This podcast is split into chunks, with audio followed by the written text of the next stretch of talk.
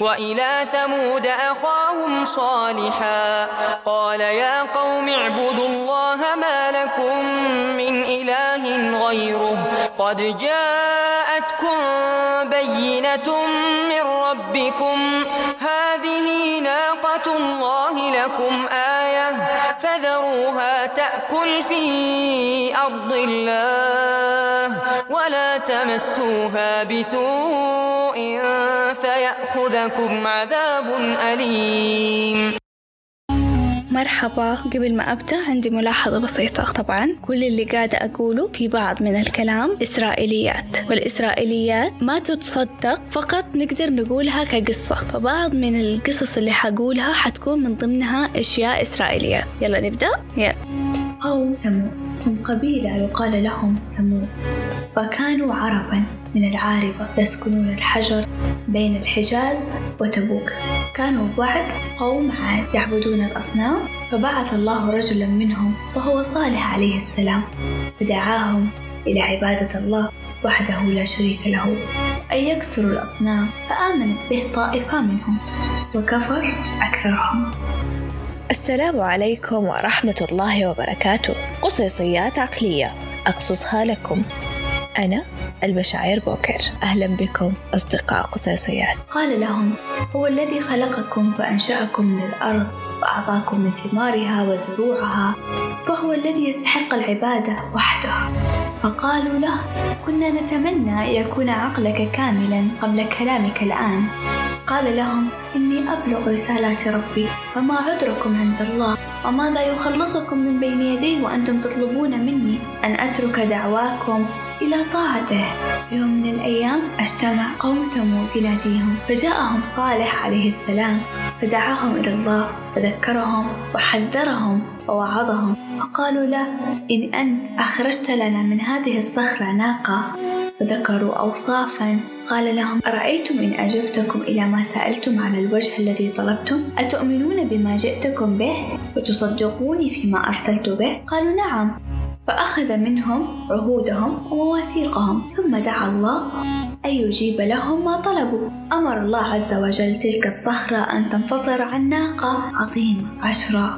على الوجه المطلوب اللي طلبوه نفسه نفس الصفات اللي هم طلبوها كلها جت في هذه الناقة. فلما رأوها دهشوا من عظمتها ومنظرها الهائل وقدرة الله الباهرة فآمن كثير منهم واستمر بعضهم على كفرهم وضلالهم وعنادهم جحدوها. فاتفقوا بأن هذه الناقة تأكل من حيث شاءت من أرضهم.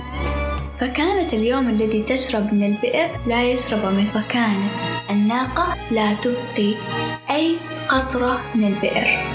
واليوم الذي لا تشرب منه يشربون منه ويأخذوا من لبنها فكانت تكفي الجميع. فكان اختبارا لهم أيؤمنون بها أم يكفرون؟ الله أعلم بما سيفعلون.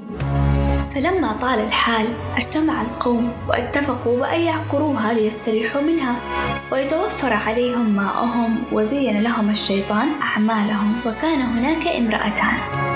الأولى اسمها صدوق وكانت ذات حسب ومال فدعت ابن عم لها اسمه نصدع وعرضت عليه نفسها إن عقر الناقة. والآخرة اسمها عنيرة كانت عجوزا كافرة لديها أربع فتيات من زوجها تأواء أحد الرؤساء فعرضت بناتها على قدار إن عقر الناقة يختار منهم من يشاء. وكان قدار من ولد ثانية. فتشجع هذان الشابان لعقرها وسعوا في قومهم فاستجاب لهم سبعة آخرون فصاروا تسعة. هم المذكورون في القرآن لقوله تعالى وكان في المدينة تسعة رهط يفسدون في الأرض ولا يصلحون وهذول التسعة راحوا لباقي القبيلة وبرضو قعدوا يقنعوهم.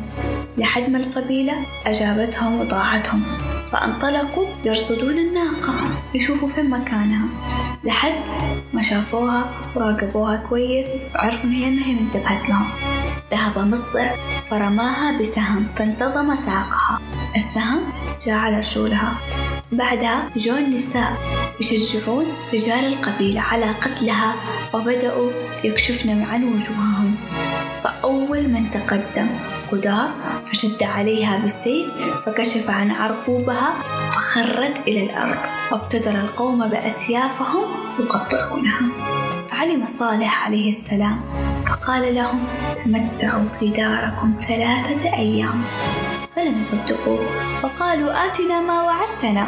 واتفقوا بأن يقتلوا صالح ثم يشهدون فعلتهم وينكروها وذلك إن طلب أولياءه بدمه.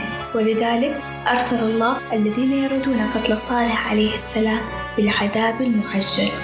أرسل عليهم حجارة رضختهم سلفا وتعجيلا قبل قومهم وأتى أول يوم وهو يوم الخميس.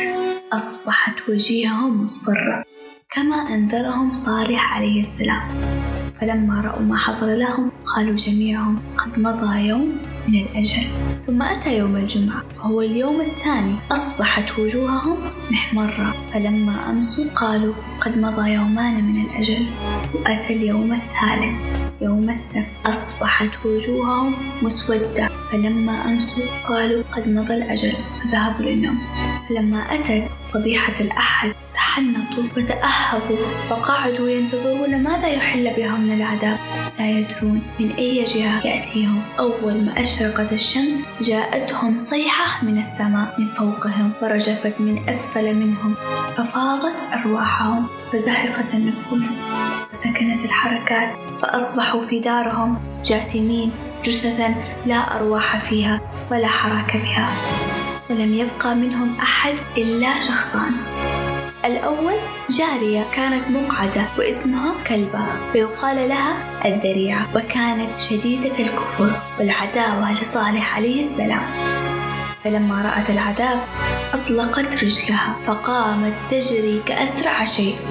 فأتت حية من العرب فأخبرتهم بما رأت وما حل بقومها وطلبت منهم الماء. فلما شربت ماتت والآخر رجلا كان بالحرم لم يصبه ما أصاب قومه وهو يسمى أبو رقال فلما خرج من الحرم أصابه ما أصاب قومه. وبعد ما آتاهم العذاب ذهب صالح عليه السلام لقومه. قال لهم يا قوم لقد أبلغتكم رسالات ربي ونصحت لكم ولكن لا تحبون الناصحين. وبعدها ذهب إلى الحرم فقام به حتى مات. سنة مؤكدة عن الرسول عليه الصلاة والسلام. عندما يمر أحد لقوم صالح الأفضل ألا يدخل أحد عليهم. وإن دخلتم عليهم قريتهم فإن لم تبكوا تباكوا خشية. فإن لم تكونوا باكين فلا تدخلوا عليهم خشية. بأن يصيبكم؟ مثل ما أصابهم شاركونا في حلقة اليوم على مواقع التواصل باسم البشاير بوكر أو على أبل بودكاست أو على التويتر بهاشتاج قصيصيات عقلية. إلى اللقاء.